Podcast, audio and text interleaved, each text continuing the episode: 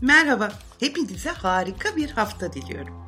Bugün son zamanlarda üzerinde çok konuşulan, tartışılan bir konu hakkında konuşmak istiyorum. Nedendir bilinmez ama özellikle gençler arasında bu konu oldukça gündemde. Size küçük bir tarif yapacağım. Konumuzu farklı bir gözle görmenizi sağlayacağım. Düşünün ki iki ortak bir şirket kuruyorsunuz. İki tane imza atarak. Şirketinizin mal varlığı kalbinizden ve evinizden getirebildikleriniz. Sonra bu iki ortak koşturup duruyorsunuz ki şirket büyüsün, güzelleşsin, daha refaha kavuşsun, işte menkuller, gayrimenkuller almaya başlıyorsunuz güçlerinizi birleştirerek. Sonrasında gene şirketin ürün vermesi amacıyla çocuklar olmaya başlıyor. Bütün bunların sonucunda.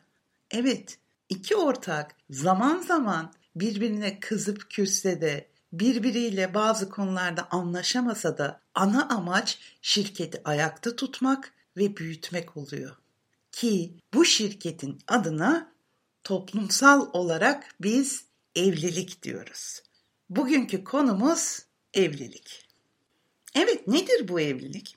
Yani açılıştaki tarifime bakarsanız tamamen kurumsal olarak kurulmuş, imzalı bir sözleşmeyle onaylanmış. Hatta iki tanığın da bu sözleşmeye şahitlik ettiği bir gerçek anlamda kurum.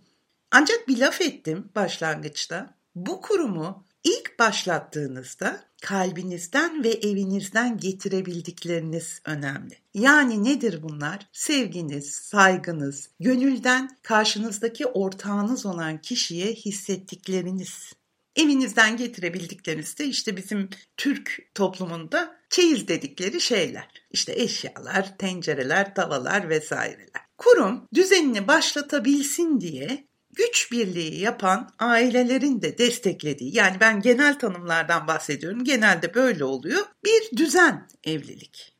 Onaylanıyorsunuz, alkışlanıyorsunuz. Kadınlar beyaz giyiyor, erkekler siyah giyiyor. Bunun da neden olduğunu bir türlü çözemedim ama sonuçta bir törenle başlıyor ve siz bir ömür boyu sürecek bir beraberlik umuduyla ortaklığı kabul ediyorsunuz iyi günde, kötü günde, hastalıkta, sağlıkta, varlıkta, yoklukta ortağınızla bir arada olmak üzere evet diyorsunuz. Çoğunlukla bağıra çağıra, büyük bir coşkuyla bu görevi, bu kurumsal görevi kabul ediyorsunuz. Tıpkı bir iş akti imzalar gibi o kurum içinde yer alan görevlerinizi, görev tanımınızı kadın ve erkek olarak gerçekleştirmek üzere söz veriyorsunuz. Buraya kadar her şey güzel. Bir şirket kuruluyor ve siz bu konuda gönüllüsünüz. Zaten size özellikle soruluyor kendi isteğinizle mi buna karar veriyorsunuz diye ve bu kararı verdiğinizi beyan ediyorsunuz tanıklar huzurunda. Evlilik çok özel bir kurum. Yıllar boyu sürenleri pek kaldı mı bilmiyorum ama çoğunlukla yarı yolda ortaklardan birinin ya da anlaşarak her ikisinde vazgeçtiği bir kurum olma yolunda hızla ilerliyor. Gençlerimiz özellikle belki de etrafında gördüğü bu anlaşmazlıklar yüzünden evlilik kurumuna artık son derece soğuk bakmakta. Sizleri bilmem ama ben annemle babamın 48 yıl süren ve ölüm onları ayırana dek süren evliliğini hayranlıkla hatırlıyorum. O zamanki şartlar, kurallar, belki görev tanımları farklıydı ama o iki insan gerçekten bir arada kalmak üzere ve başka hiçbir seçenek aramamak üzere yemin etmişlerdi ve bunu son nefeslerine kadar gerçekleştirdiler. Ben onların ürünü olarak içinde bulunduğum aslında tamamen kurum sayılan bu şirketin içinde hep mutlu oldum. Onların mutluluğuyla da mutlu oldum. Ama benim kadar kaç tane insan var? Şu anda benden sonraki nesillerde kaç kişi bunu o şekilde hissedebiliyor emin değilim. O yüzden düşünüyorum da günümüzde hem evlenmek isteyenlerin çok bocaladığı hem istemeyenlerin bu konuda çok direttiği bir dönemi yaşarken öncelikle şuna karar verebilmek lazım. Tıpkı bir şirketi kurduğunuzda kendinize nasıl bir ortak arıyorsanız o şekilde evleneceğiniz kişiyi düşünmeniz lazım.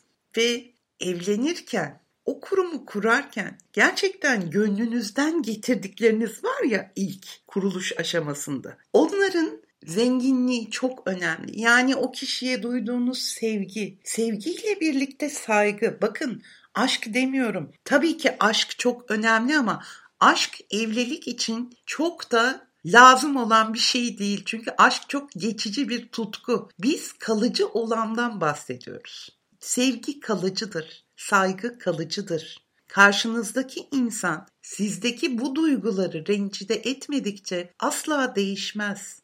Evlenen kişiler birbirine sevgi ve saygı duydukça onların yetiştirdiği, onların topluma kazandırdığı ürünler de o duygulardan nasiplenerek hareket edeceklerdir. Gerçekten burası çok önemli. Yani sadece o beyaz gelinliği giymek için, sadece bir çocuk doğurup onun sonrasında kurumdan ayrılmak için evlenilemez. Böyle bir hakkı yok hiç kimsenin. Ya da ortaya çıkan ilk hatada, ilk kavgada şirketten vazgeçmek mümkün değildir. Bakın bir şeyleri üretmek için, bir şeyleri gerçekleştirmek için imza atıyorsunuz. Tabii ki her zaman vazgeçme ihtimaliniz olmalı. Her zaman bir şeyleri tekrar kendi istediğiniz gibi yaşama hakkınız olmalı. Ancak bu kararı vermeden önce, evlenmeden önce bir kurumu kurar gibi düşünmekte gerçekten fayda var. Artı siz bir şirket sahibi olsanız ortağınızla neleri ne şekilde yaparsınız? Hangi sorunları nasıl çözersiniz?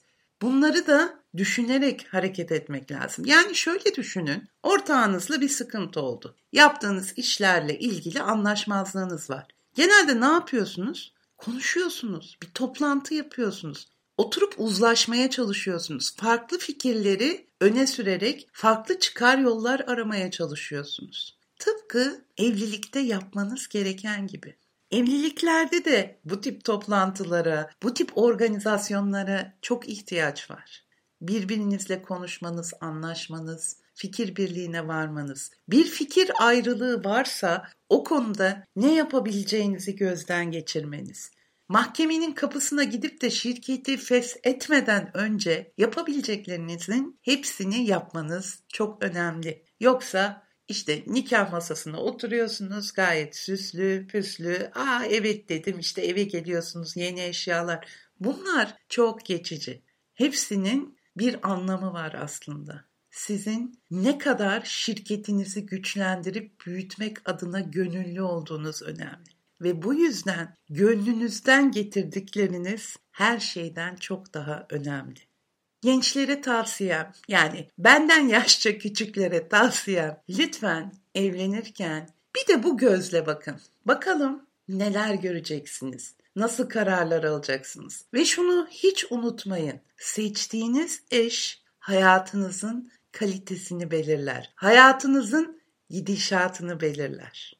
Sorunları halletmek için sarf ettiğiniz çabalar yerine güzellikleri, yenilikleri keyifleri paylaşmak üzere çaba sarf edersiniz. Bu sizi güçlendirir, çok daha mutlu bir birey yapar. Mutlu bir birey olarak yetiştireceğiniz çocuklar da bu ülkeye güzellikler katar.